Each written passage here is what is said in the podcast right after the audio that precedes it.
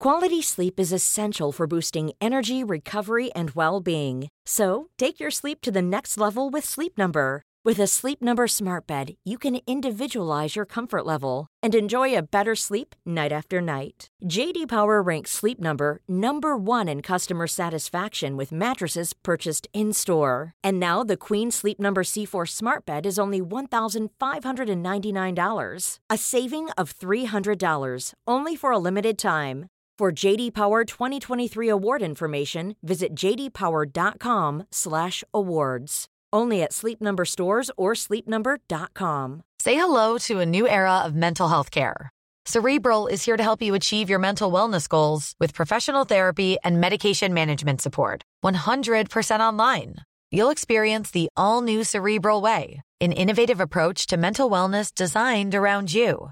You'll get a personalized treatment plan from a therapist, prescriber, or both in a safe and judgment free space. Your cerebral therapist or prescriber will outline a customized plan with clear milestones along the way so you can get to feeling your best. With Cerebral, you're not alone in your mental health journey. We're here to empower you to live a fulfilling life. So take that first step towards a brighter future and sign up today at cerebral.com slash podcast and use code ACAST to get 15% off your first month. Offer only valid on monthly plans. Other exclusions may apply. Offer ends July 31st, 2024. See site for details. Jag tror att vi väldigt ofta gör misstaget att vi jämför oss med de som har mer eller som ligger längre fram på resan istället för att jämföra oss med alla. Och det är därför jag älskar de här tabellerna från Avanza, från Pensionsmyndigheten, från SEB och andra ställen. Du lyssnar på Rika Tillsammans-podden som handlar om allt som är roligt med privatekonomi. I den här podden får du varje vecka ta del av konkreta tips, råd, verktyg och inspiration för att ta ditt sparande och din privatekonomi till nästa nivå på ett enkelt sätt. Vi som gör den här podden heter Jan och Caroline Bolmesson. Idag är det dags för avsnitt 239 och idag så handlar det om så här, så här rik är svensken. Eh, och, Jämför dig själv. Ja, men precis. precis. Nej, men så här, eh, jag vet ju att eh, liksom, vi gillar att jämföra oss själva och jag vet ju att liksom, detta har varit en diskussion i Riket Tillsammans-forumet och det är en av de mest besökta trådarna. Och då tänker jag så här att om vi ändå ska jämföra oss, då kan man jämföra sig korrekt, mm. för att jag upplever att vi gör det många gånger fel. Och sen ska jag vara helt ärlig, att jag var ganska, efter förra avsnittet, där 238, som jag faktiskt är väldigt stolt över. Så här, så här investerar du 2022 eller egentligen vilket år som helst. Mm. Så kände jag liksom så här, ja, fast nu har jag sagt det jag ska säga. Vet, ska du inte göra ett avsnitt om bästa fonderna? Så jag bara, jag vet inte, jag hittade liksom ingen inspiration eh, till, till det där. Så att eh, dagens avsnitt blev ett lite så här, jag vet inte, det började som ett avslappningsavsnitt och sen blev det väldigt seriöst och liksom jag var så här, åh, du vet, jag gick in i det, så jag tror att det, jag tror ändå det blir roligt, för vi har inte gjort något liknande på 239 avsnitt. Och detta avsnittet eh, liksom bygger ju ändå på att, jag tänker så här, att man ska kunna få en liten reality check, för jag upplever många jag träffar är att liksom man är, man är, vi är lite snea i jämförelse med andra, särskilt inom området pengar. Alltså ja. i, i upplevelse hur mycket jag har och hur mycket andra har. Ja, och det beror väl också på vilka man umgås med eller vilka man pratar ekonomi med. Ja, ja. ja. och särskilt, och vi hade ju en sån undersökning hos forumet, så här, hur ser den genomsnittliga forumdeltagaren ut? Jag var så här, detta är inte den genomsnittliga svensken. Och alla Nej. som läser den tråden var så här, shit, alla andra är ju jättemycket rikare än mig. Så därför tyckte jag så här, ändå lite intressant att ta fram genomsnittssvensken. Och, sen, mm. eh, liksom. och då är tanken också att förmodligen du som lyssnar på detta är ju nog mer intresserad av ekonomi än då snittsvensken. Så jag tror att liksom en grej som du, jag hoppas att du tar med dig härifrån är att du ger dig själv en klapp på axeln att du, har liksom, du, du gör bra, bara lyssnar du på oss och du sparar, liksom, och sparar du dessutom i en fondrobot, så har du förmodligen ett bättre sparande än de flesta andra. Liksom. Så då kan du ge dig själv en klapp för axeln för det med. Och att liksom kunna andas ut och bara känna så här, nej men jag gör bra. Jag mm. gör bra, jag har gjort rätt. Eh, liksom, och att tänka att jag kanske till och med kan fira. Yeah. Ja, jag kan säga att den där gitarrkonversationen från förra avsnittet är to be continued I Ja. trådarna, eller i tråden I forum, jag har fått, ett, jag har fått ett mejl av den läsaren också. Ja, ja, vi, ja. vi ska, vi Kommer vi få, ta upp det nu då? Inte idag. Inte idag, men det är en men- cliffhanger. Ja, Men jag tänker också det där med att när man får en reality check, att man liksom kan eh, också ha lite empati. ja, Jag får det i alla fall med alla som jobbar Ja. på med sin ekonomi där Ja. ute. Kanske inte är superintresserade. Men vet vad, som- du, nu, nu är du för långt. Detta är en sammanfattning, Caroline. Ja, okej. Liksom. Så att jag tänker vi kommer dit. Vi, kommer dit med empatin. Ja, vi kommer dit. Eh, Men jag tänker så här att det är naturligt att jämföra sig och sen också om vi tar dagens avsnitt att det finns ingen officiell förmögenhetsdata sedan 2007. Ja, för då Eh, tog man bort, bort förmögenhetsskatten. Så att idag är det också lite som förra veckans princip, tillräckligt bra. Det finns ingen perfekt data, det finns inget Nej. facit, så att det är mycket uppskattningar. Så att vad du får i detta avsnittet är egentligen en sammanfattning av diskussionerna i Rikets Sammansforumet, plus att du får liksom den sammanställningen som jag har gjort från Avanza, Credit Suisse, Capgemini, SEB, eh, eh, Statistiska centralbyrån, eh, SEB, banken som släpper sin sparbarometer, Mm. eh, liksom Swedbanks rapporter. Så jag har liksom i princip sammanställt all data jag har kunnat hitta om liksom svensken och ekonomisk situation, både liksom internt och liksom utrikes, eh, tänker jag. Och här vill jag också passa på att ge ett extra stort tack till Avanza och Niklas Andersson, eh, investeraren på Twitter, för att mycket av den roligaste datan som vi kommer börja med kommer från Avanza. För jag upplever ändå så här, för oss som är intresserade av ekonomi, så ska vi ju jämföra oss med andra som är intresserade av ekonomi. Och, och då är Avanza de som är absolut mest generösa med data. Att Ja. de delar med sig. Till, jag fick till och med, liksom, jag skickade en fråga till dem liksom så här, specifikt, skulle ni kunna ta fram denna datan? Och sen liksom så ett par dagar senare fick jag bara, hej, jag jobbar som sparanalytiker, jag heter, tror jag Moa, tror jag hon hette. Jag jobbar som sparanalytiker eh, och här kommer grafen som Niklas bad mig skicka. Jag bara så här, gud vad generöst. Så att Ja. eh, liksom så här, tack till Avanza.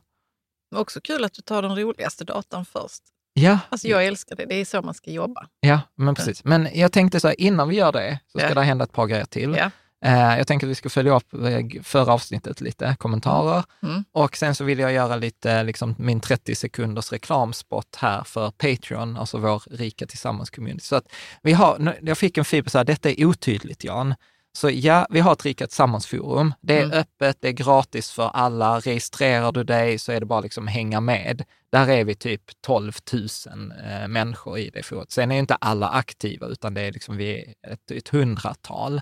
Men där är ändå liksom över nästan 300 inlägg om dagen i allt möjligt. Jag kan ju säga så här, roligaste tråden i forumet just nu, när vi spelar in detta den 19 eller 18 januari, är en tråd om diskmaskiner. Det började Hur med... mycket el de drar och Nej. varför de drar så mycket Nej, nej, ekoprogram. nej, nej, nej. okej. Tråden började med så här, varför tar ekoprogrammen på diskmaskinen ta en så lång tid? Ja, ja. Och var- jag bara, jag visste precis, tyckte jag. Ja, Nej, sen- det gjorde jag inte.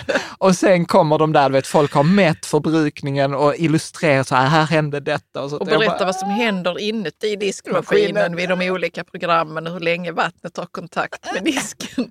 Jätte, Ja, jättebra, Sjukt jättebra roligt. tråd. Ja. Mm. Så det är Riket Tillsammans-forumet. Där är liksom, det är bara in riketillsammans.se forum eller Riket Tillsammans och sen tryck på forum. Alltså, och mycket kan jag säga så här, många av diskussionerna och feedbacken det kommer ju i forumet.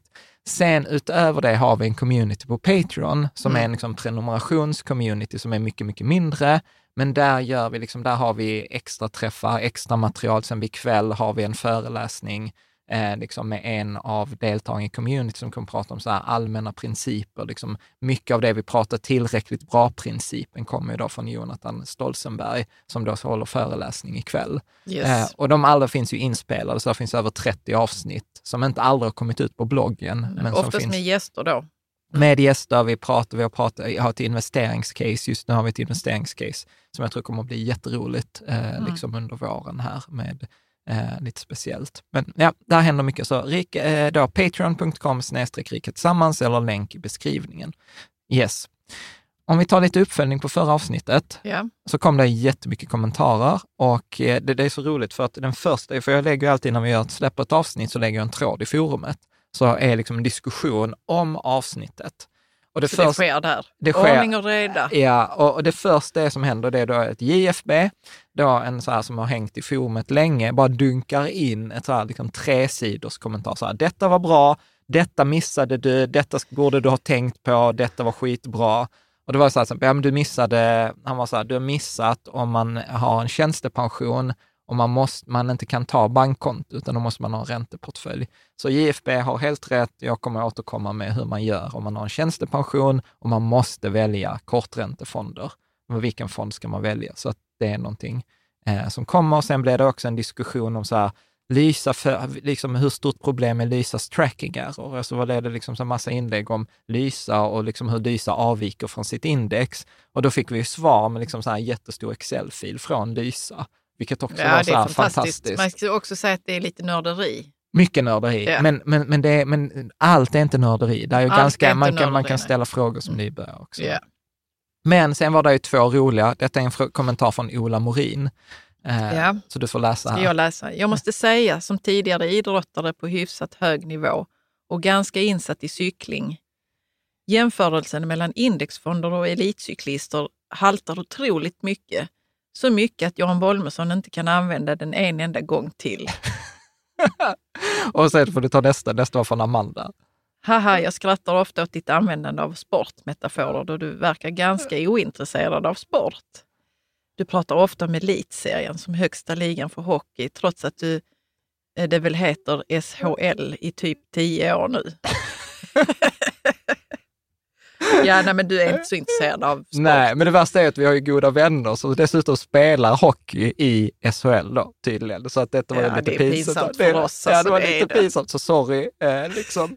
men, men det är ju ändå, liksom, jag, jag älskar ju detta, liksom, att jag får ju feedback eh, direkt. Så jag får väl återkomma. Jag skrev till Ola då att eh, när jag gjorde en metafon med fotboll så fick ju alla fotbollsspelare efter mig. Så tänkte jag så här, Mm. cyklister, ni är åtminstone färre. Men kommer du använda den Jag vet, eh, jag får, by- jag får, metaforen, eller kommer du modifiera den Ola, för Ola Morins skull? Ja, men Ola är ju med i Rikets Samhällscommunity, så vi har ett träff ikväll, så jag ska ta upp det med honom och Ja. fråga hur vi ska göra. Toppen. Så att eh, det är lite, bara lite ball. Eh, men vi har även lagt upp en ombalanseringsmall till förra avsnittet eh, och där är liksom många, eh, många liksom följdfrågor kring förra avsnittet som vi också tagit upp där. Så det är lite, lite kul.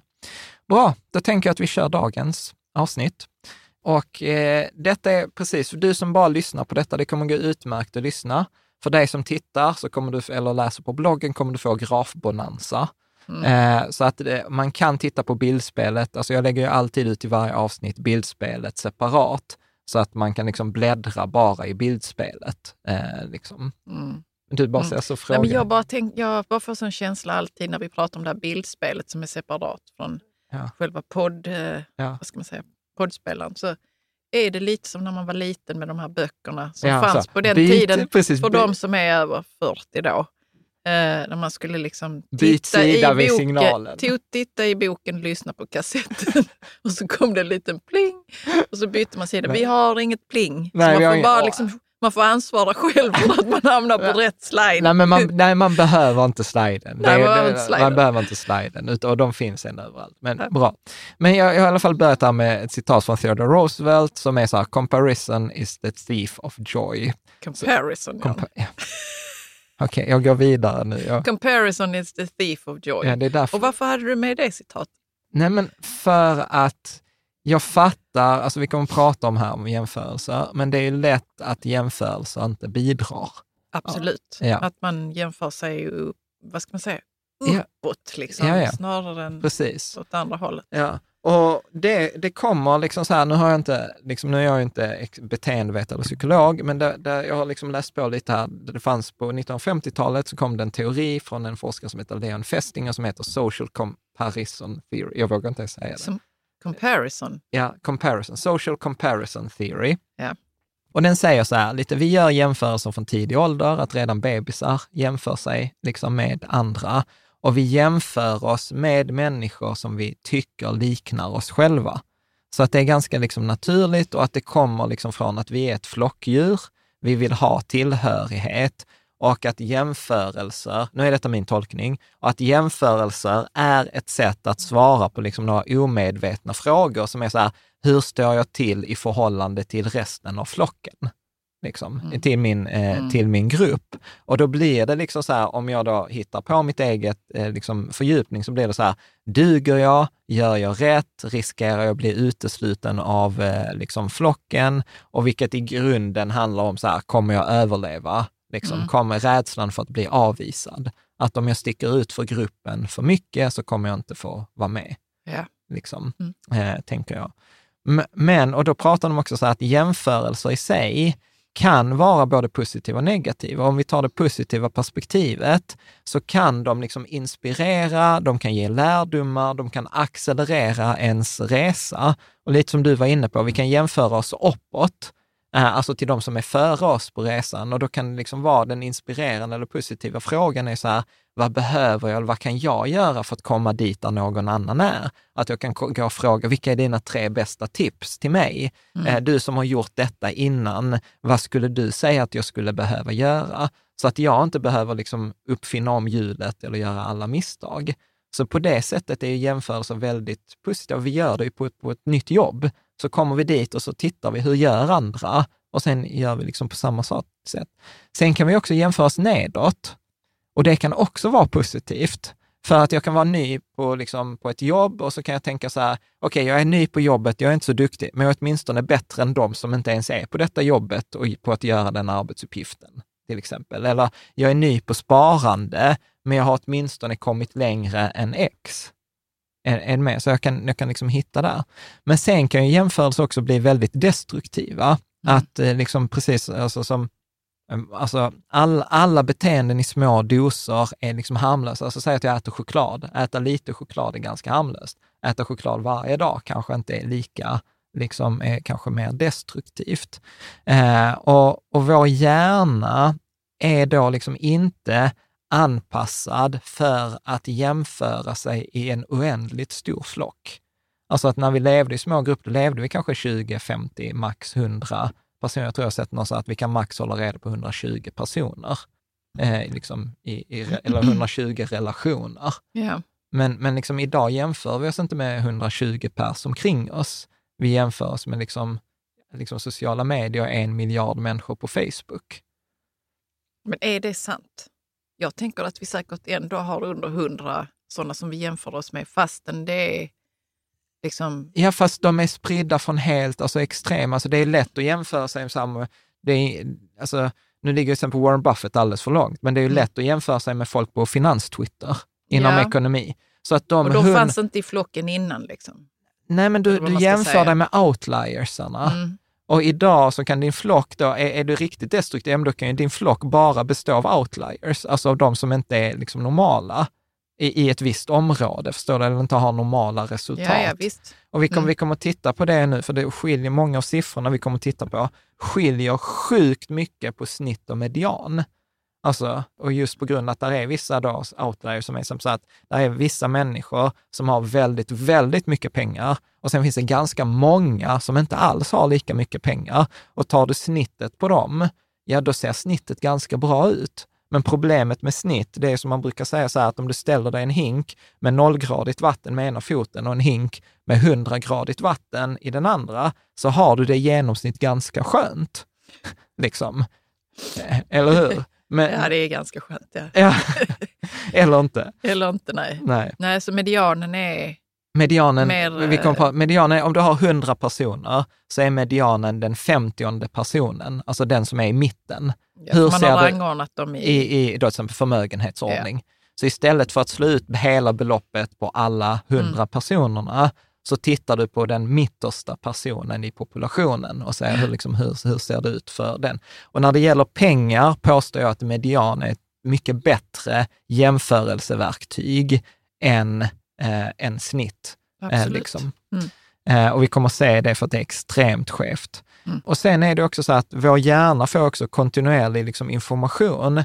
Alltså gå in på Twitter, då är det konstant flöde eh, av det där. Och sen var det inte du och Armen som pratade om att så här, om vi människor har levt under en dag, typ 24 timmar, alltså hela mänskligheten, då är det typ bara den senaste minuten vi har levt med liksom så digitalisering. Ja, eller ens eh, precis. liksom modern teknik. Så- armen var tränare som... Ja, som älskar att prata om urtidsmänniskan, som jag, jag också gör. Ja, det bästa man kan säga till Caroline är så här, redan ursprungsbefolkningen gjorde det här. Och sen kan man säga nästan vad som helst. Redan ursprungsbefolkningen surfade på Google. Bara, ja, det gjorde de. ja, vi går, vi går vidare. Och det är också viktigt att komma ihåg att jämförelser är en idealisering. Alltså att när vi liksom jämför oss med andra så har vi aldrig hela bilden. Att vi vet inte, jag, jag brukar ibland tänka på att alla människor är typ som en, som en, alltså detta låter sjukt, som en dator, alltså som en konfigurering. Alltså det är massa inställningar man har gjort på liksom ett jättestort kontrollbord. Och då är det liksom värderingar, drivkrafter, intention, drömmar, erfarenheter, rädslor, massor av sådana här saker. Och vi vet aldrig hur den ser ut. Och vi vet inte heller vad som väljer att framhävas. Mm. Liksom. Och vi vet, inte, vi vet inte heller om det är sant eller inte. Och vi vet inte ens hur, vilken tidsperiod det har varit. Så om jag tar till exempel mig själv, att ibland så jämför sig folk med mig. Och då brukar jag säga så här, men du måste komma ihåg, så här, jag har gjort detta sedan 96. Jag köpte, min första, mm. jag köpte min första aktie 1996, det vill säga att jag i år investerat i 26 år. Mm. Eh, du kan inte jämföra det, utan ska du jämföra dig med mig idag och du har sparat tre år, då ska du jämföra dig med Jan 1999. Men problemet är att jag pratar inte om Jan 1999, utan jag pratar om Jan 2022, som har helt annan ekonomisk situation eller ett helt annat sparande eller helt annan erfarenhet. Så att det är skitviktigt. Och det andra som också är viktigt när man jämför är ju att, att man har inte samma mål eh, till, eller samma drivkraft. Så rädsla har ju varit en jättestor drivkraft för mig till exempel. Eller jag älskar ju jobba. Folk, liksom, när man tittar på mitt resultat, säger ja men ni har x pengar. Ja men ta nu, du kan väl liksom inte göra senaste månaden från mitten av december till nu mitten av januari. Jag tror jag har jobbat, vad, 14 timmar om dagen, 12 timmar om dagen, mm. i princip alla dagar. Och det är inte för att jag måste, utan för att jag tycker att det är sjukt roligt och att just nu har varit inne i ett ganska stort flow. Liksom. Och då blir det inte heller så konstigt att säga nej, men att du har ju andra resultat. Någon som jobbar 14 timmar om dagen kommer ha andra resultat än någon som jobbar 8 timmar om dagen. För på den här månaden har jag ju jobbat nästan dubbelt så mycket. Och då är det inte så konstigt att jag har dubbelt så mycket inkomster under den perioden som en annan person som har prioriterat andra saker. Precis. Mm, liksom. Mm. Make sense? Ja. Eh, bra. Så att jag tänker liksom också så här att ibland så sätter vi eh, liksom människor på piedestal och, och jag, jag, jag, tycker, jag blir ibland satt på piedestal. Jag tycker det är skitjobbigt. För jag vill inte bli satt där, för jag är också en vanlig person. Jag har också skitiga kalsonger ibland och inte byter dem. Och, och, och liksom... ja, grejen är att man, när man sätter någon på piedestal så är det ju en, en distansering som sker. Ja. Alltså man, eh, har, man man ser ju bara de positiva ja, grejerna. Det är, lite, det är lite narcissistiskt. Liksom. Eh, man väljer bara att se de positiva grejerna, man, man ser inte helheten, man idoliserar. Jag är så här, don't do it, inte för din egen skull och framförallt mm. inte för den som sätter en. Det är därför jag också så noga med, jag har gjort massor av misstag. Jag har sagt i Patreon-communityn, när vi har pratat om alternativa investeringar, jag sa så här, på riktigt, hör jag någon som investerar i detta med motivering att Jan sa att detta var bra, så får du inte vara med i Riket Sammans-communityn. Jag gör också misstag. Jag har liksom dummat mig, jag gör, alltså så här, du vet, jag kan skoja om det. Eh, ja, nej. Du vill inte ens gå dit? Nej, jag vill inte ens gå dit. Ja, men jag, jag gör ju tabbar hela tiden, liksom, också. Men det är ju inte alltid tabbar när man tar upp, eh, liksom, och pratar om. Så att det är viktigt. Så nu när vi pratar, eh, liksom så här, några tips innan vi hoppar in på det konkreta, att liksom fokusera på din resa, ditt mål, där du är. Lite som det var någon som skrev till mig så här, Jan, tänk som en travhäst. Jag bara, va? Jo, men en travhäst tänker ju inte på andra hästar på banan, att de ligger före. Eller liksom. Den försöker springa det fortaste den kan, oavsett vad de andra gör. Eh, liksom. eh. Jag hoppas det. Jag har alltid sådana invändningar när du kommer med sådana såna påståenden. Jag har ju hört att de är sjukt tävlingsinriktade, de hästarna. Okej. Strunt Okej. samma. Ja, jag kommer samma. säkert få en kommentar så här. Jag har varit elitryttare på ganska hög nivå. Du måste sluta göra jämförelser Ja. med travhästen. Ja, Ja. Jag, jag ska Ja, sluta. men, men poängen var att man behöver inte titta åt sidan så mycket. Nej, nej, Nej. utan, utan spri- gör din resa liksom. Och sen kommer andra ha åsikter, det, det är okej. Och sen kan man också vara nyfiken, varför är det viktigt för mig att göra den här jämförelsen? Och sen också att jämföra med sitt personbästa. Alltså jämför inte med andra, jämför med liksom dig själv, versionen för 12 månader sedan. Liksom. Och sen lite då reality check, eh, lite det som detta avsnittet är liksom syfte med. Eh, bra. Och sen tänker jag också att när det handlar om ekonomi så är det ju klurigt för att eh, jag såg något citat som är så här, om Bill Gates vaknar med Oprah Winfreys förmögenhet så vore det en ekonomisk katastrof. Eh, liksom och, och alla fattar ju så här, hon är ju liksom så här mångmiljonär, kanske till och med miljardär med svenska mått mätt. Så att eh, återigen så här, vi- Vem sa det och till vilken mening var detta? jag vet inte vem Jag har också sa hört det, men så jag bara så, ja ja, Ja, men- viftat bort. Ja, men skitsamma, det, Ja. det, det funkar. Liksom. Ja. Det, det illustrerar liksom, liksom poängen, att det handlar Mm. om var man står. Mm. Så att om vi börjar här, så den första grafen som Avanza då har släppt data till, som jag tyckte var jätteintressant, det är då Avanza-kundernas medianförmögenhet per ålder. Alltså hur mycket pengar har du liksom totalt på ditt Avanza-konto vid olika åldrar. Och detta är ju så här lätt att, du vet så här, när jag frågar folk så här, ja men du vet en, eh, en 40-åring, liksom så här, någon i vår ålder, hur mycket pengar? Vi kan fråga dig, för jag Mm. tror inte du har sett de här graferna. Nej. Hur mycket pengar har någon som är 44 år gammal? Hur mycket pengar, för du är 40, 45, fyller du i år. Mm. Mm. Så hur mycket har en genomsnittlig 45-åring? Ja, och utan att titta. Utan att titta. Jo, eh. Alltså det, jag kommer ju göra bort mig oavsett vad jag Ja, ja, säger. ja, absolut. Det kan vara 50 000, det kan vara 200 000, jag vet inte. Jag. Ja, men om du skulle gissa, Men Avanza. alltså in, ingår pension och sånt också? eh, Det är bara Avanza. Ja, bara Avanza. Men Avanza pension kan man ha där också. Ja. Ja, 200 000. 200 000. Bra. Ja. Så vi går igenom, eh, vi går igenom nu några olika. På bloggen eller här i länk eh, och i forumet så finns total tabell från 18 till 70 år, så man kan titta exakt. Men vi tar några. En, genoms, en eh, median förmögenhet för en 30-åring eh, på Avanza är 38 000. För en 40-åring 77 000. För en 50-åring 76 000. För en 60-åring 100 000. För en 70-åring 155 000. Är detta alltså pengar man har på... På, på sitt Avanza-konto. Ja. Eh, Sen vet jag inte exakt, alltså inkluderar det pension? Jag, jag gissar att detta inkluderar alla pengar, liksom, som man har på Avanza när, på min inloggning. Och, och detta är, jag tror att detta är lägre än vad de flesta tror. ja, ja, absolut. Det är det nog. Eh, liksom. Och, och, och här, nu ska vi göra en Ja. reality check. Ja. Okej, för nu tänker folk så här, shit, jag har inte eh, liksom 80 000 eller 30 000 eller nu 70 000, beroende på vad det är. Men då släppte Niklas Andersson eh, på en tweet eh, den 31 december där han skrev så här, på Avanza är vi nu 1 660 100 kunder. Och då har Avanza hållit på i alla fall så länge som jag, typ i 25 år. Och då ska det tänkas att i Sverige hade vi per november enligt SCB 10 449 381 svenskar, vilket innebär att Avanza, där är så här 85 procent av den svenska befolkningen har inte ett Avanza-konto. Nej.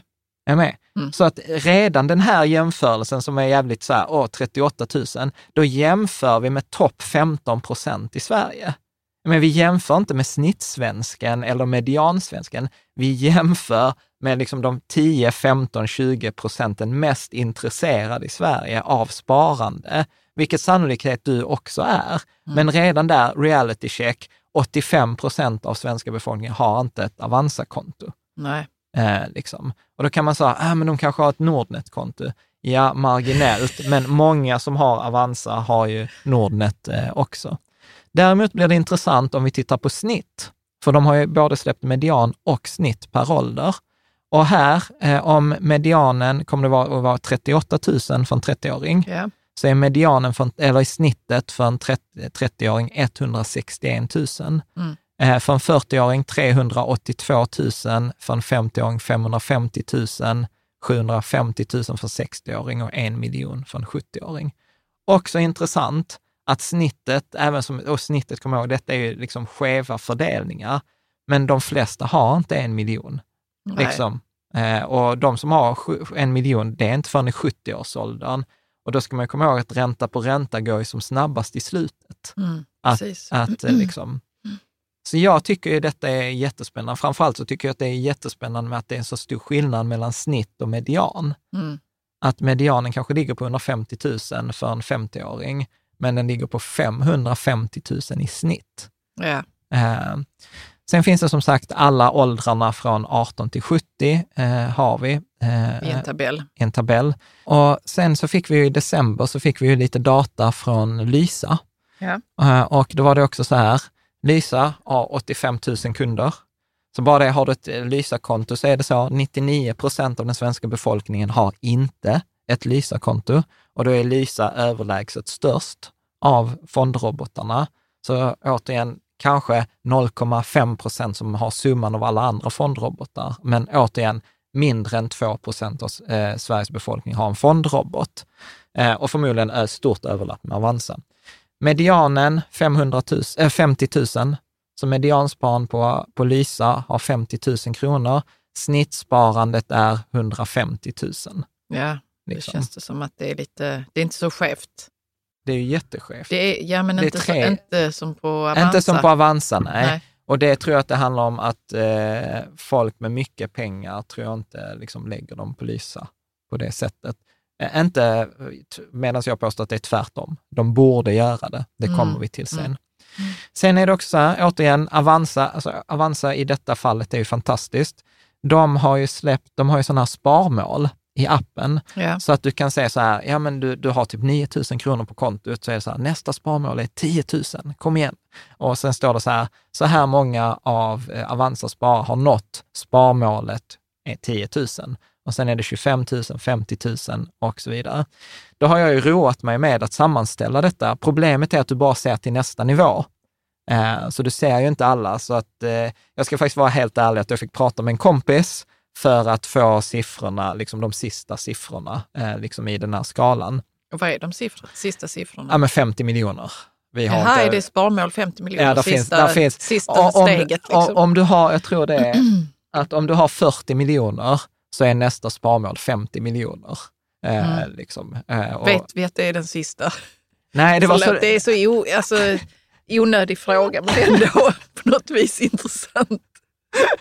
Jag vet inte, personen jag pratade med, hade, de, hade, de hade 65 miljoner på kontot. Okej, okay, de hade inte fått någon sån, kom igen nu, 70 miljoner? Nej, nej, nej det var, nej. eller jag minns inte, eller om de hade 47 miljoner och vi såg bara 50. Ah, ja, fuck it. Strunt skitsamma. Skitsamma. Mm. Vad man i alla fall ser är att eh, liksom hälften av kunderna på Avanza, så av de här topp 15 procent i Sverige, så har hälften av dem inte 50 000 kronor i sparande. Nej. Är med? Mm. Och mindre än 7 procent av alla kunderna på Avanza har en miljon eller mer. Så 93 procent av alla kunderna på Avanza har inte en miljon. Mm. Är med? Mm. Så att det där är också liksom lite reality check. Och sen går det upp, och varför jag inte tycker att den frågan var så intressant, var för att efter 10 miljoner så planar det ut. Då är det 0,2 mm. procent. Jag tror att vid 10 miljoner är det 0,21 Eh, och sen, eh, nej, 0,22 vid 10 miljoner, 0,21, alltså 0,2 0,21 procent har uppnått 15 miljoner och sen planar det ut till 0,2 procent. Ja. Liksom. Bra. Och här, återigen, lite reality check. Eh, då finns det ju så här, förra året var det snack om att man skulle höja eh, skatten på ISK. Eh, och eh, då gjorde riksdagens, det finns något som heter riksdagens utredningstjänst som är inom Kammarkollegiet och då undersöker de liksom fakta för riksdagsledamöter. Jag hade kunnat tänka mig att bli riksdagsledamot bara för att ha tillgång till riksdagens utredningstjänst. Eh, alltså det hade varit så sjukt roligt. Du vet, bara skicka dem så här, ta reda på hur många som har ett ISK-konto i Sverige. Ta reda på hur många som har eh, pengar på ett, alltså så här, de tar ju fram sån fakta. Är du med? Vad är det för data de har tillgänglig? Ja, men tänk att ringa så här, hej jag ringer från regeringskansliet, vi håller på med en proposition, vi skulle behöva veta mm. hur många IS kunder som har ISK. Nu har jag ju bra kontakt med Avanza så jag får ju ut datan i alla fall. Men det är klart att de skickar liksom data till regeringen. Ja, ja, jag bara undrar vad, som de, vad de inte får lov att skicka. Ja, jag vet liksom. inte. Däremot så lyckas jag inte hitta rapporter som verkar sjukt hemliga. Sen vet jag att det är offentlig handling så man kan säkert begära ut den. Men då i den här RUT diarienummer 2020 1386 så tog de fram hur många personer har ISK-konto och eh, i Sverige och hur många har liksom då placerat pengar. Och då ska jag ändå säga att de senaste åren, öppnar du ett konto på Lysa så får du ett ISK-konto. Ja. Alltså ISK är ju det mest, mest förmånliga sättet att spara långsiktigt i aktier i Sverige. Det är liksom så här extremt låg skatt. Att ibland så klagar vi på Sverige är ett högskatteland och så är det så här, ja på inkomst, inte på kapital. Alltså pratar du med en amerikan och säger att vi har ISK-konton i Sverige som, där skatten för 2022 är 0,375 procent på kapitalet, alltså så tror de ju att, vi, att jag ljuger. Mm. Liksom. Men i, denna, eh, i detta så har jag hittat då lite data. Då är det så här att halva Sveriges vuxna befolkning har inte ett ISK-konto. Hey, I'm Ryan Reynolds. Recently, I asked Mint Mobile's legal team if big wireless companies are allowed to raise prices due to inflation. They said yes. And then when I asked if raising prices technically violates those onerous two year contracts, they said, What the f are you talking about, you insane Hollywood ass? F- So to recap, we're cutting the price of Mint Unlimited from $30 a month to just $15 a month. Give it a try at mintmobile.com slash switch. $45 upfront for three months plus taxes and fees. Promo for new customers for limited time. Unlimited more than 40 gigabytes per month. Slows. Full terms at mintmobile.com. Hey everyone, I've been on the go recently Phoenix, Kansas City, Chicago. If you're like me and have a home but aren't always at home, you have an Airbnb. Hosting your home or a spare room is a very practical side hustle. If you live in a big game town, you can Airbnb your place for fans to stay in. Your home might be worth more than you think. Find out how much at airbnb.com/slash host.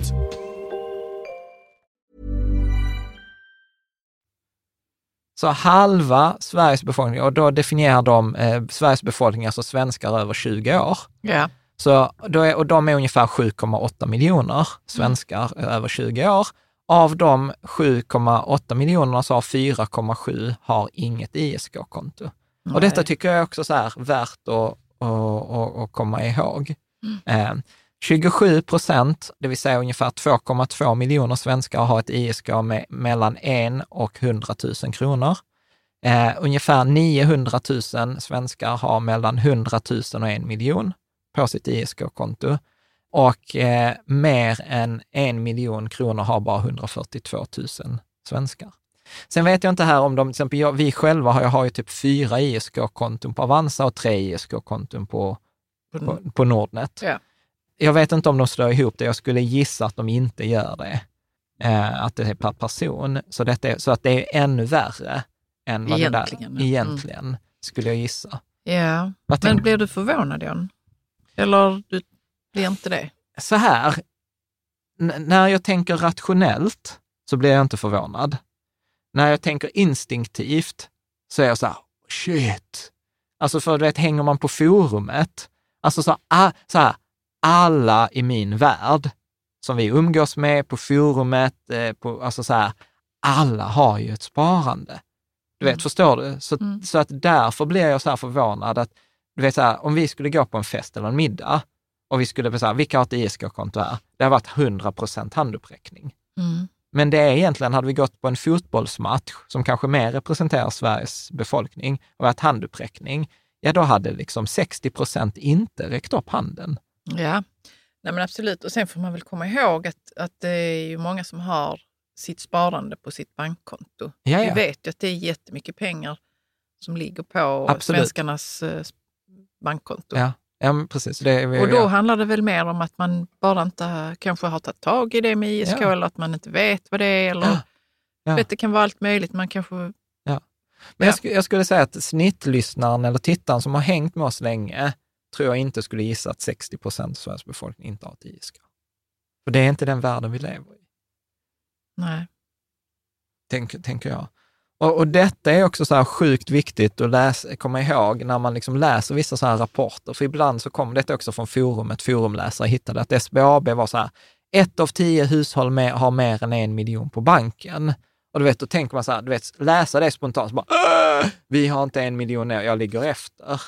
Och jag är så här, ja, det där är nog snitt, alltså det där är liksom märkligt. Eh, liksom att, att ha lite reality check, att det är liksom extremt Ja, hur har de fått fram den siffran? Liksom? Ja, det är extremt snett. Liksom få in någon som har 10 miljoner, du vet, drar upp snittet för massor av människor. Mm.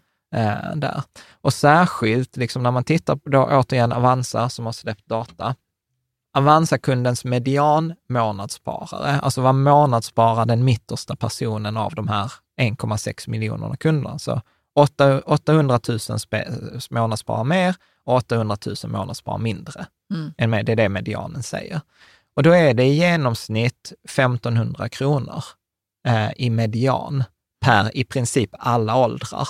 Jag, jag tror det är liksom mellan 1000 och 1500 kronor från typ 20 års ålder till 80 års ålder. Det är liksom medianmånadssparandet. Eh, men återigen, läser man sen en artikel på, på placera.nu så blir det så här, var tionde svensk sparar halva lönen. Och då blir det också så här, shit, alltså vilka är de här svenskarna? liksom, du vet, jag, jag var tvungen att börja gräva i det här, liksom titta så här, Swedbank har också sådana rapporter som är bara så här, ah, men liksom svenskens möjlighet att spara är det här. Sen när man läste den så var det så här, ja då har vi gjort typhushåll. Ja, och det är ju klart att ett typhushåll med två höginkomsttagare som tjänar liksom 45 000 och inte har några barn, inte bor i ett hus, kan spara halva lönen. Är med? Och det är kanske så att en på tio liksom är sådana här dinkis, eller eh, alltså att man kan spara mycket. Men det är ju inte det normala. Återigen, vi två kan ju inte jämföra oss med några av våra vänner som är i samma ålder som inte har, eh, som inte har barn och har liksom eh, satsat på karriären och har bisarra månadslöner. Ja ja, jag vet precis vem jag tänker på. Ja. De, de två de åker ju på sådana jätte eh, resor där de liksom har, åker flygplan där det finns liksom en hel, en hel bit av flygplanet, det är bara baren och sånt. Ja, ja, ja. Eh, men, och det kan de göra. Men, eh, och, i- men jag tänker också att jag undrar varför de, har, varför de, eh, de här, var det Swedbank eller vad var Ja. det?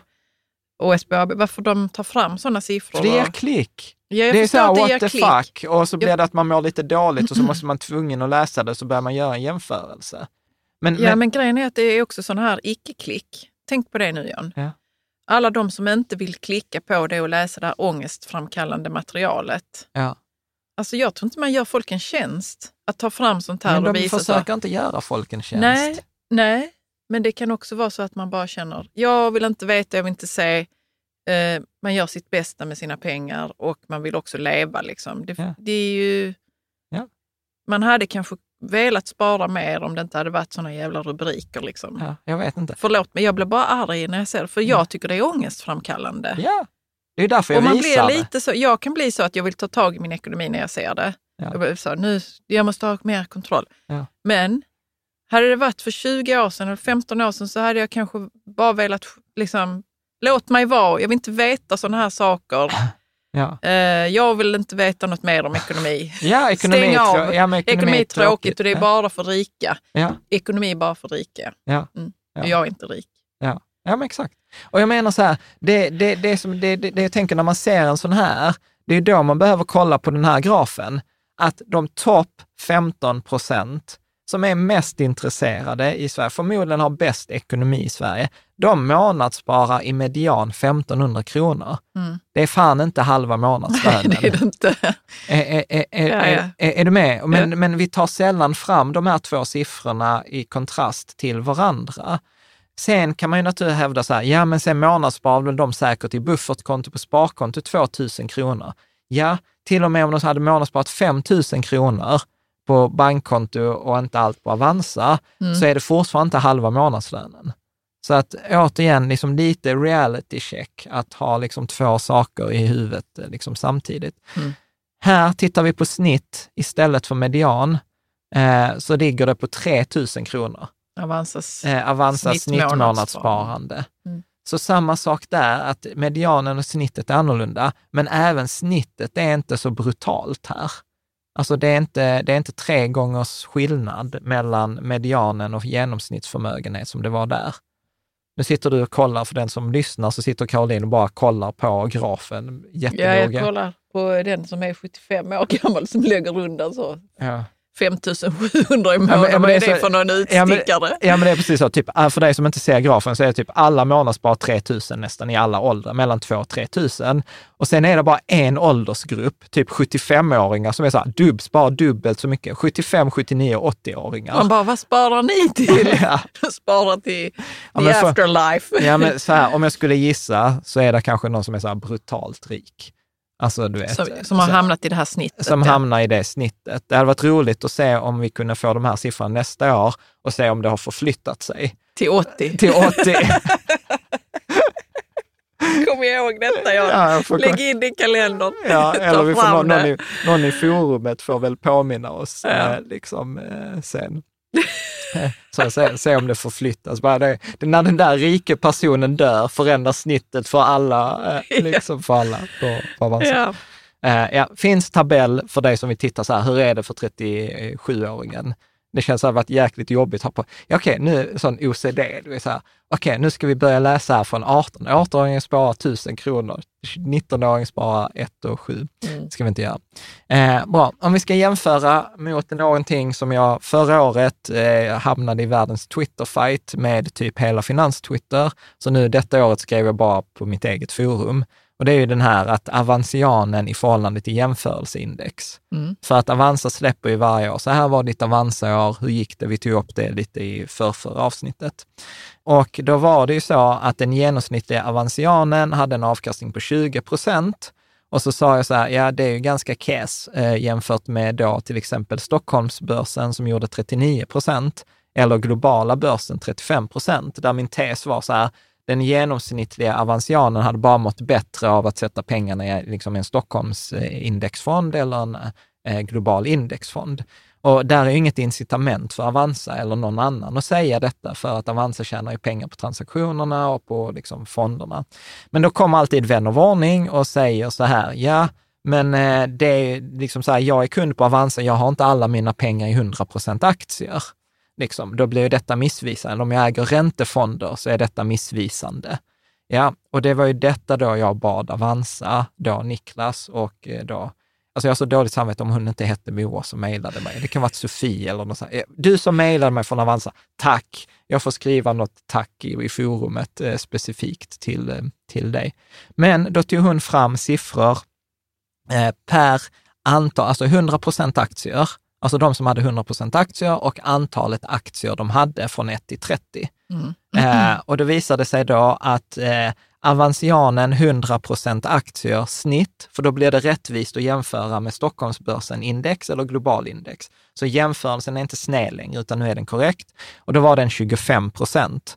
Eh, eh, så att då var liksom eh, 20 procent eh, för eh, liksom snittet, men om man bara isolerade det till 100 procent aktier så var det 25. Men om vi tittade på medianen så var det typ 23. Okej. Och då har jag ändå varit generös, för då tog jag den som hade högst. För det var ju massa då åldrar, som, eller massa, de som bara hade en aktie, de hade ju ett sämre, både snitt och sämre median. Mm. Så nu har jag ändå varit generös och tagit den högsta, eh, liksom, högsta stapeln.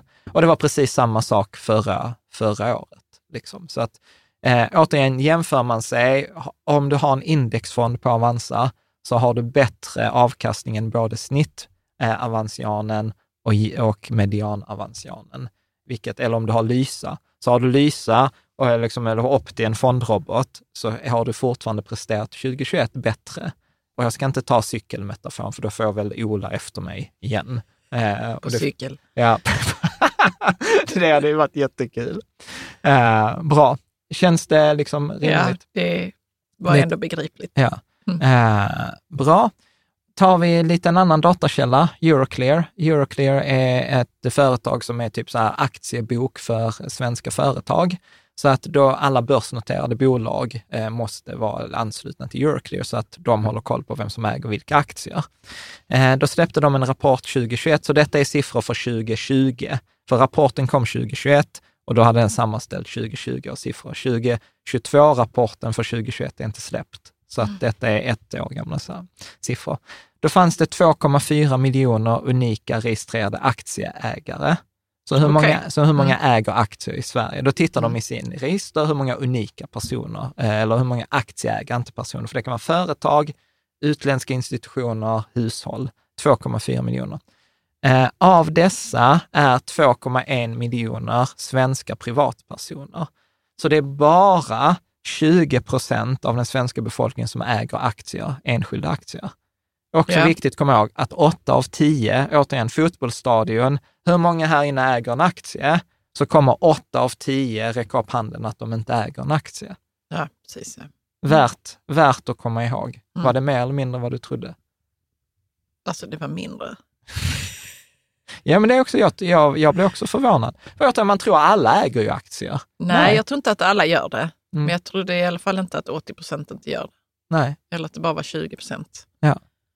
Och av de här 2,1 miljonerna så är det 850 000 kvinnor, 1,2 miljoner män. Eh, så att det är inte liksom, det är snett där. Av de här 2,1 miljoner svenskarna Mm. så äger 42 procent aktier i ett enda bolag.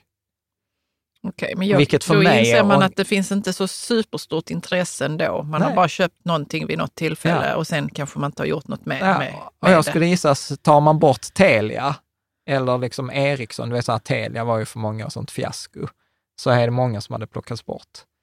Liksom. Ja, det var ju mycket i media just då att Ja, man skulle äga det. Ja, så att då köpte man folkaktie. väl det. Liksom. Ja, Mm. precis. Så detta, och du vet, utifrån ett riskspridningsperspektiv, alltså du vet så här, jag kan, jag kan argumentera för att vet, en global indexfond borde kompletteras med en tillväxtmarknadsfond. Är du med? Då pratar vi ändå 1500 bolag. Här är människor som bara säger, "Ja, men jag har alla mina pengar i en enda aktie. Kanske inte alla pengar. Jo, de har ju bara en enda, alla pengarna som är i aktier har de i en enda aktie. Ja, ja, Ja. precis. Ja. Ja. Sen kan det vara mycket eller lite pengar. Mm. Och den genomsnittliga ägaren äger fyra bolag.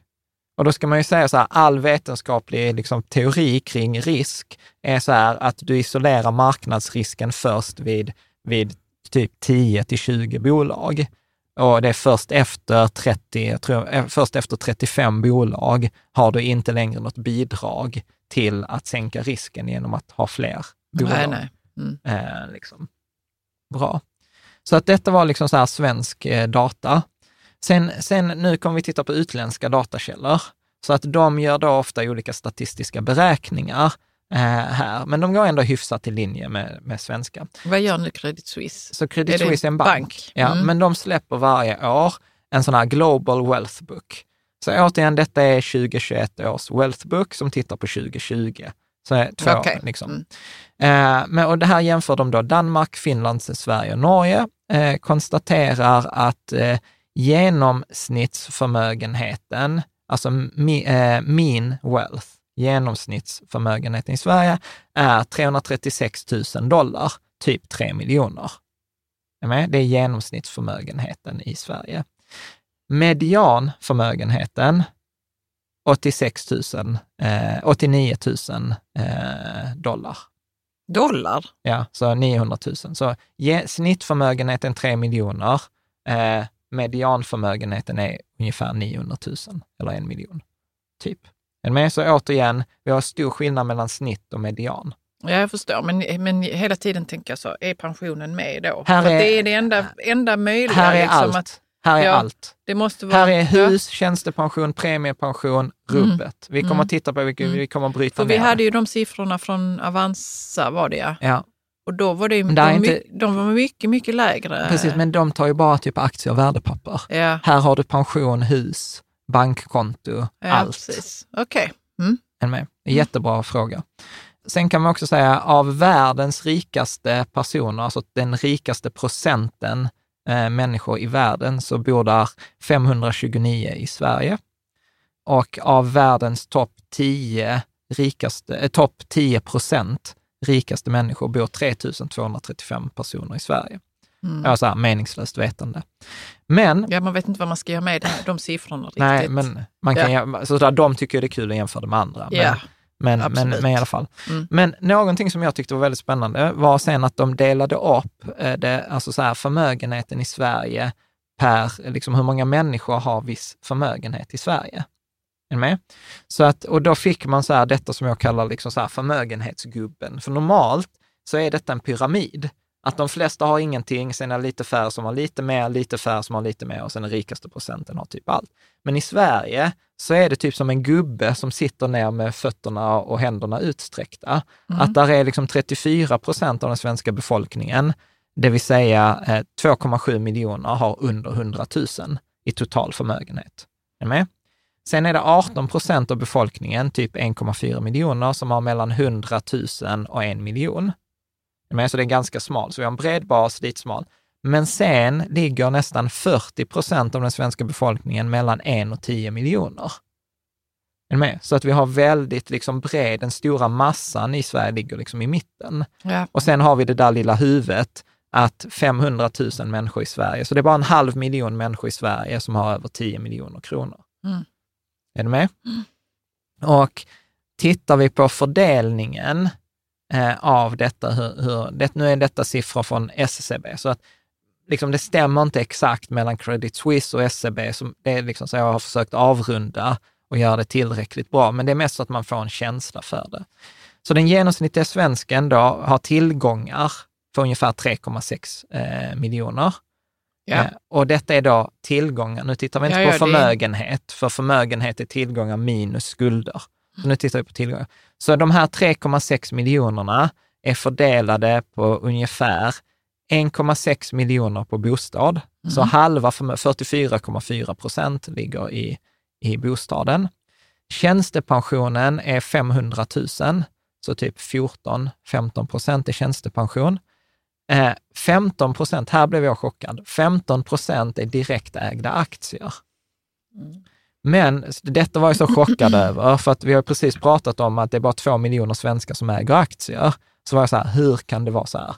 Men då är det så här att det är koncentration hos de rika, har mycket aktier, plus att man räknar in onoterade aktier.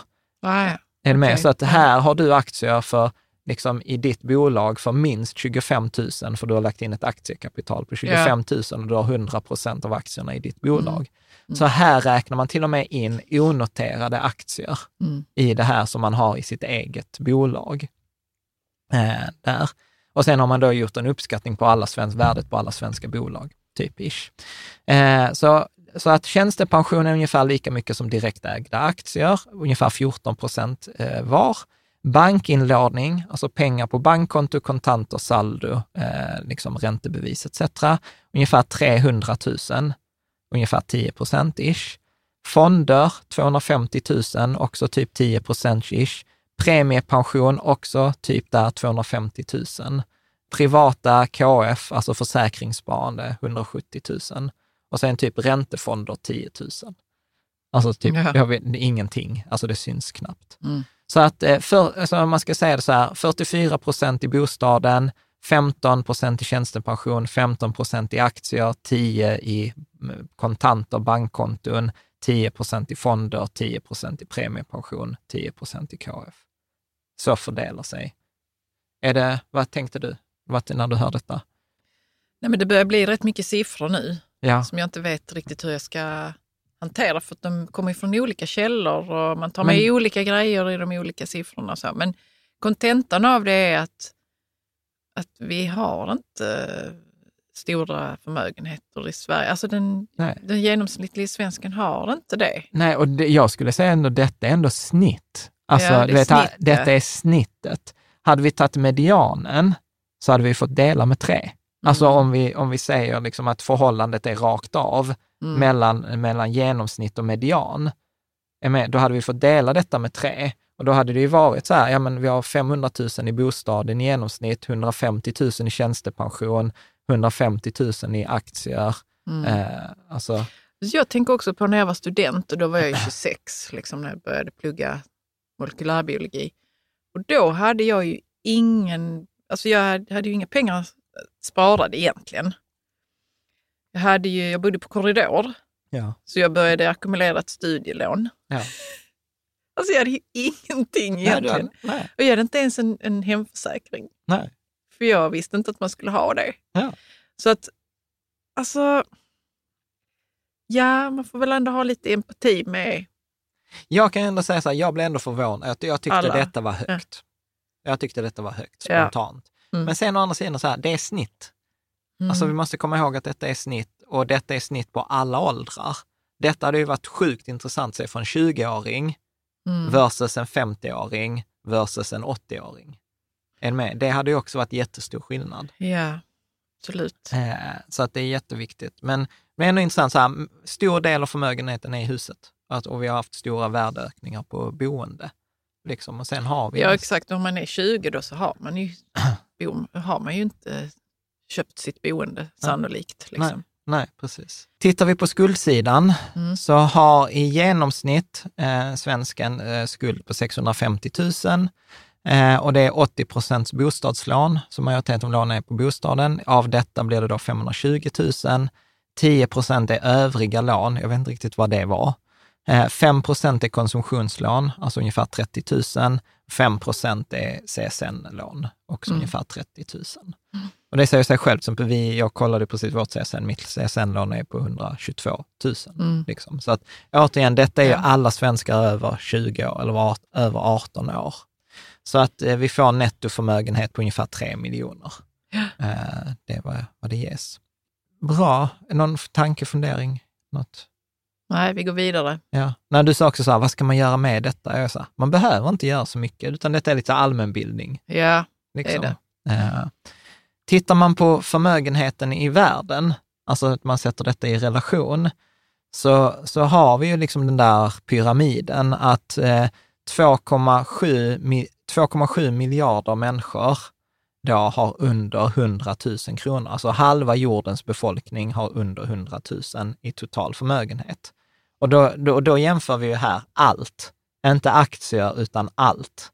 Med? Pension, hus, boende, bankkonto, aktier där. Så halva jordens, eh, 54 procent av jordens befolkning, 2,7 miljarder, delar på 1,4 procent av förmögenheten i världen. Åh, vänta, vad sa du nu? Halva, halva, 50 procent. halva jordens befolkning delar på 1 procent- 1,4 procent av all förmögenhet. Det är sånt här som gör att man blir vänsterpartist. Ja, men det är ju bisarrt.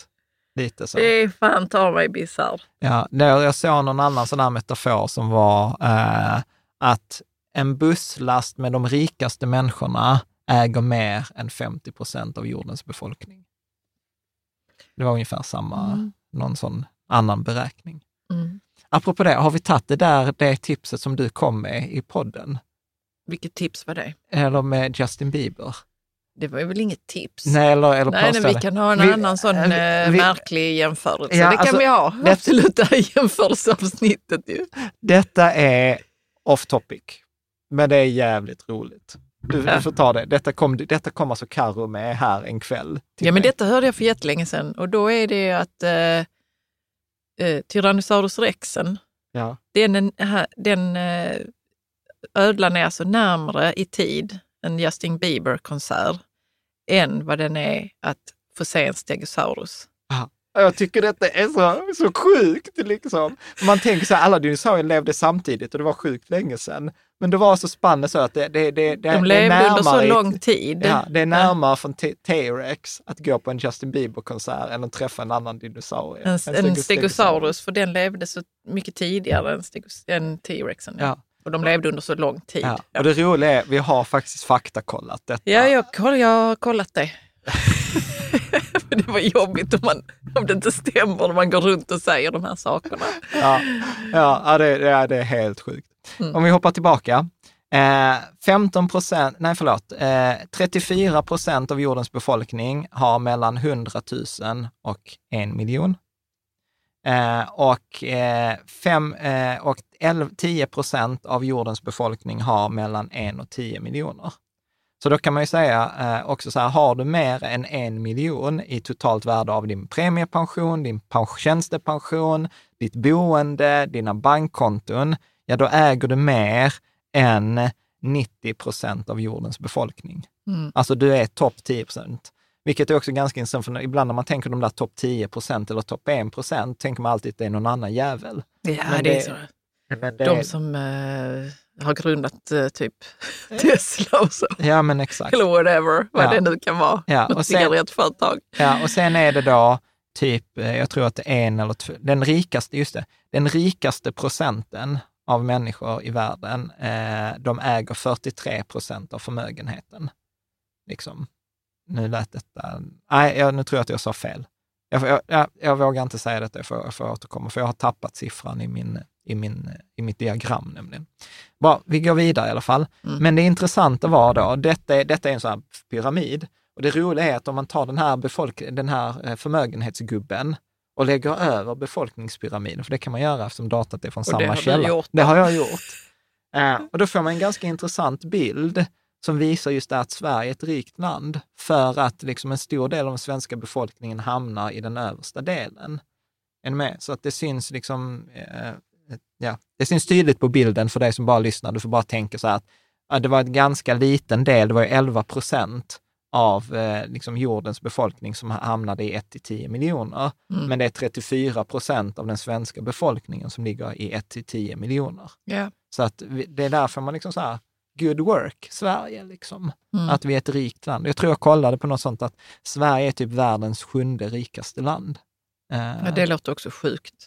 ja, nej. Alltså det var... Då är det rätt många länder som är...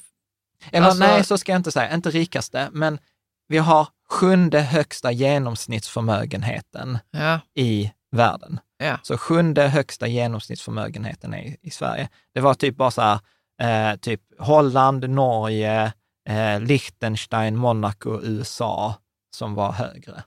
Liksom. Liechtenstein och Monaco var högst och de var typ så här 900 000 dollar i förmögenhet Mm. i snitt. Eh, så där, där var tenerikisarna. Det intressanta är då, om man bryter ner den här topp 1 procent i världen, eh, så är där då av den här, nu är vi inne på topp 1 procent. ja. Så av den här topp 1 procent, eh, och sätter vi då relation, då blir det alltså 0,87 procent av jordens befolkning ligger då mellan 10 och 50 miljoner kronor SEK. 8,1 procent av den här topp 1 procent, det vill säga 0,08 procent, har mellan 50 och 100 miljoner. 4 procent eller 0,04 procent av jordens befolkning har mer än 100 miljoner, mellan 100 och 500 miljoner. Och 1 procent har eh, då mer än 500 miljoner kronor, allt i kronor. Mm. Eh, och här blev jag ändå så här lite förvånad att eh, liksom så här, att, ja, men inte så, det är egentligen inte så konstigt att majoriteten ligger då i spannet 10 till 50 miljoner. Eh, men ja, Ja. värdelöst vetande. 49 miljoner människor var det, så man kan se det i antal människor också. Bra. Sista datakällan eh, som jag tror vi ska, nej vi har två till, eh, är SCB, eh, nej Pensionsmyndigheten, Pensionsmyndigheten. Så vi kollar här nu, pensionskapital i Sverige per ålder. Och då är detta alltså total pension, alltså inkomstpension, premiepension och tjänstepension. Och eh, då har vi också tagit det per ålder och den genomsnittliga 30-åringen har 340 000 i pension, den genomsnittliga 40-åringen 1,2 miljoner, 50-åringen 2,7, 60-åringen 4,8 och 68-åringen eh, 7. Så detta är en sån här klassisk ränta på ränta. Och om man bryter ner den, som jag också har roat mig med idag i de olika delarna, inkomstpension, det som du får på din lön, det som du får tjänstepension och premiepension, så är ju majoriteten inkomstpensionen. Så det är därför vi alltid tjatar så här, försök sikta på en lön på 45 000. Eh, liksom. Och den kan du inte påverka, du kan inte förvalta den, du kan inte göra någonting. Så återigen här, så här well done Sverige. Mm. Att eh, Ja. liksom, vi, för detta, de här siffrorna är det inte så mycket du kan göra med. Och, och även här, också en så här jätteviktig grej som vi hade diskussion kring på forumet, att om man loggar in på minpension.se så kan man ju få fram då sin allmänna pension. Och, och där kan man ibland bli chockad, för då står det till exempel så här, jag, jag plockar ut 45 000 i månaden och har gjort det ganska länge. Eh, och då är min allmänna pension 17 700. Ja. Är med? Och då kan man ju få så här chock, att man loggar in så här, shit, min pension är bara 17 700. Vad man inte tänker på då, är ju att den allmänna pensionen är ju avsättning av din lön på 16 procent till då inkomstpensionen och 2 procent till premiepensionen. Och det är upp till 45 000. Så har du 100 000 i månadslön får du inte mer avsättning än någon som har 46 000. För Nej. ni får båda max avsättning vid 45 000. Mm. Vilket innebär, som inte så många tänker på, att där är ju ett tak för hur mycket inkomstpension du kan få. Så att de där, liksom, du vet jag har fått så här mejl, så här, "Äh, jag har 17 700 i inkomstpension. Det är skitdåligt, för man jämför det med sin lön, kanske 60 000 eller 30 000 eller vad det nu är, bara hälften. Mm. Man tänker inte på så här, shit, jag har 17 000 av maximalt möjliga 20. Ja. Är med? Så att Mm. där är också en sån här reality check. Och jag har faktiskt jag har dubbelkollat detta med eh, Småsparguiden. Jag tycker de är jätteduktiga och de gör ju rådgivningar ibland. Och, och då skrev då Andreas så här, ja men detta går i linje med min erfarenhet från rådgivning, att det är väldigt sällan någon har över 20 000 i allmän pension. Och har man högre än 20 000 i allmän pension så beror det ofta på premiepensionen, inte inkomstpensionen. Nej. Eh, Så att det är också en sån här, jämför dig men jämför dig rätt. Mm. Och har du typ runt 20 000, ja men grattis, du har typ maxat det. Mm. Eh, liksom. Bra. Sista jämförelserna här kommer på inkomstsidan, alltså så här, vad tjänar man? Eh, och då är detta en, eh, du kan läsa där i det gulmarkerade, detta är från Svea Ekonomi. Jag har refererat till det förr. Eh, 27 procent av svenskarna klarar inte av en oväntad utgift på mer än 5 000 kronor. Eh, för var femte svensk på, eh, Går smärtgränsen? går smärtgränsen på Tre. 3 000 kronor för att skaffa mig glasögon. Är det så illa? Ja. Okej. Men det är för litet. Okej. För var femte svensk går smärtgränsen vid 3 000 kronor. Ja. Ja, detta Så- har vi pratat om innan. Ja. Mm. Så, så liksom var, var fjärde person i Sverige, går du på en fest med liksom en tvärsnitt av den svenska befolkningen, så kommer var fjärde person inte klara att diskmaskinen går sönder. Liksom. Eh, eller, ja nu bara hittar jag på att en diskmaskin kostar 5 000. Men de Mm. klarar inte en oväntad utgift på 5 000 eh, kronor. Och för eh, var femte så är det redan vid 3 000 kronor. Så att återigen, alltså du vet så här, att sä- sätta detta i relation till, ja, var tionde svensk sparar halva lönen eller var tionde svensk har en miljon på bankkontot. Bara, mm, finns en annan verklighet också. Ja. Lite beror på hur man ställer frågan och hur man väljer att presentera datat. Mm. Liksom. Så detta är ju detta är en kontrast. Detta är en kontrast till den där placera-artikeln. Och tittar vi på vad tjänar svensken? Så medianen i Sverige 2020 var 32 400. Medianlön kvinnor 31 200, medianlön män 33 700. Så att det är där förbaskade liksom lönegapet igen.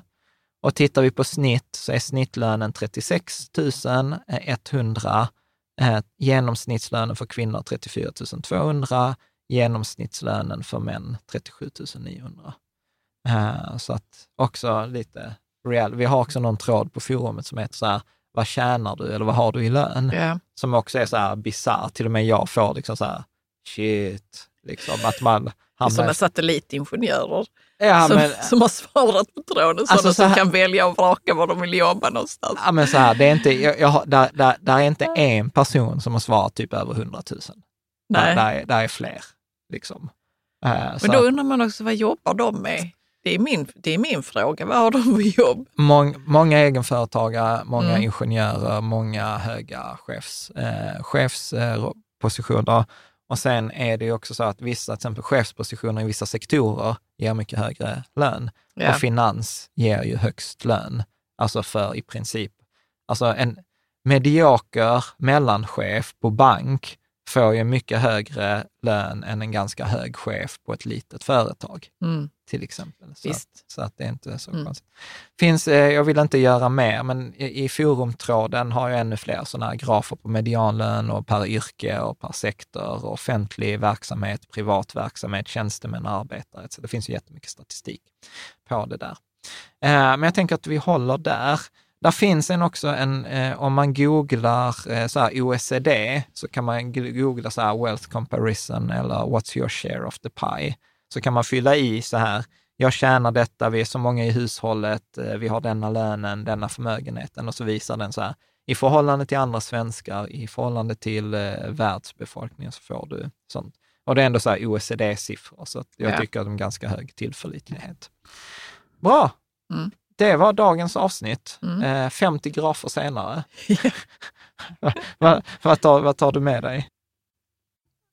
Nej, men det är väl lite som du säger, att man får en samlad... Eh, man, man får... Eh, det är allmänbildning, Ja. att komma ut ur sin bubbla lite. Och man får, jag får en samlad känsla av att eh, vi i Sverige har det bra, men alltså, vi behöver ha bättre buffert kanske. Ja, okej. Jag, Jag, tänker på det som Svea Ekonomi Ja, ja. skrev, att man klar, smärtgränsen kan vara vid 3 000, att man inte Ja. har så mycket pengar sparat. Nej, men jag, tänker, jag tänker återigen så här, skillnaden på snitt och median, att det är så brutalt skillnad. Jag tänker att, att jag glömmer bort så här, nej men åtta av tio är inte på Avanza. Liksom en av två har inget ISK-konto. Eh, liksom åtta av tio har inga aktier. Eh, alltså att det är så lätt att jag tror att vi i vår värld liksom tar sånt för givet. Liksom att, eh, du vet, så här, till och med Freja tycker så här, det är klart att man har aktier. Vet, hon var så här, kan jag önska mig en aktie i födelsedagspresent? Mm. Liksom. Så, att, så att det är helt, Ja, Helt det är ju naturligt. naturligt. att hon gör det, ja, ja, i, med tanke på att vi pratar om det. ja, men vi pratar precis, att det lever naturligt. Bra. Men då tänker jag att eh, liksom ett stort tack till dig som har lyssnat. Vill du liksom gräva i siffror och titta på tabell och sånt, så bara klicka på någon av länkarna här i anslutning till beskrivningen, oavsett om du lyssnar på podd eller om du tittar på, eh, på bloggen. Annars går det inte, jag vet att vissa poddspelare inte tillåter klick, gå in på riketsammans.se, sök 239. Eh, det så liksom hittar du avsnittet direkt. Sen tänker jag kanske att det blir kanske paus nästa vecka, för jag tyckte att denna veckan var liksom, det har varit liksom gått i 110 Mm. här, så att eh, det blir kanske paus en vecka här för att planera nästa avsnitt. Jag, vill liksom inte, jag kände när jag började, nu tyckte jag att detta avsnittet ändå var kul och hittade massa data, men jag satt ju, hade Ågren i två dagar innan det var så här, vad ska vi göra avsnitt om denna veckan? Kanske blir en julpaus för oss i slutet av januari. Men vi får se. Det kommer säkert komma ett avsnitt. Mm. Ja, nu får jag sluta yra. Tack för att du Tack. lyssnar och så ses vi.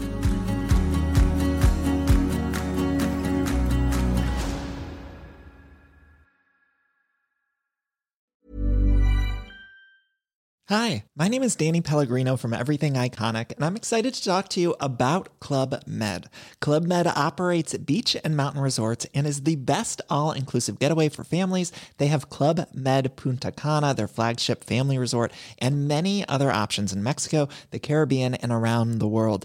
Club Med are the pioneers of the all inclusive concept, which is the best way to vacation. Great for families, groups, or even solo travelers looking for land and water sports, delicious food, and a place to make unforgettable memories. Visit clubmed.us, call 1 800 Club Med, or your travel advisor.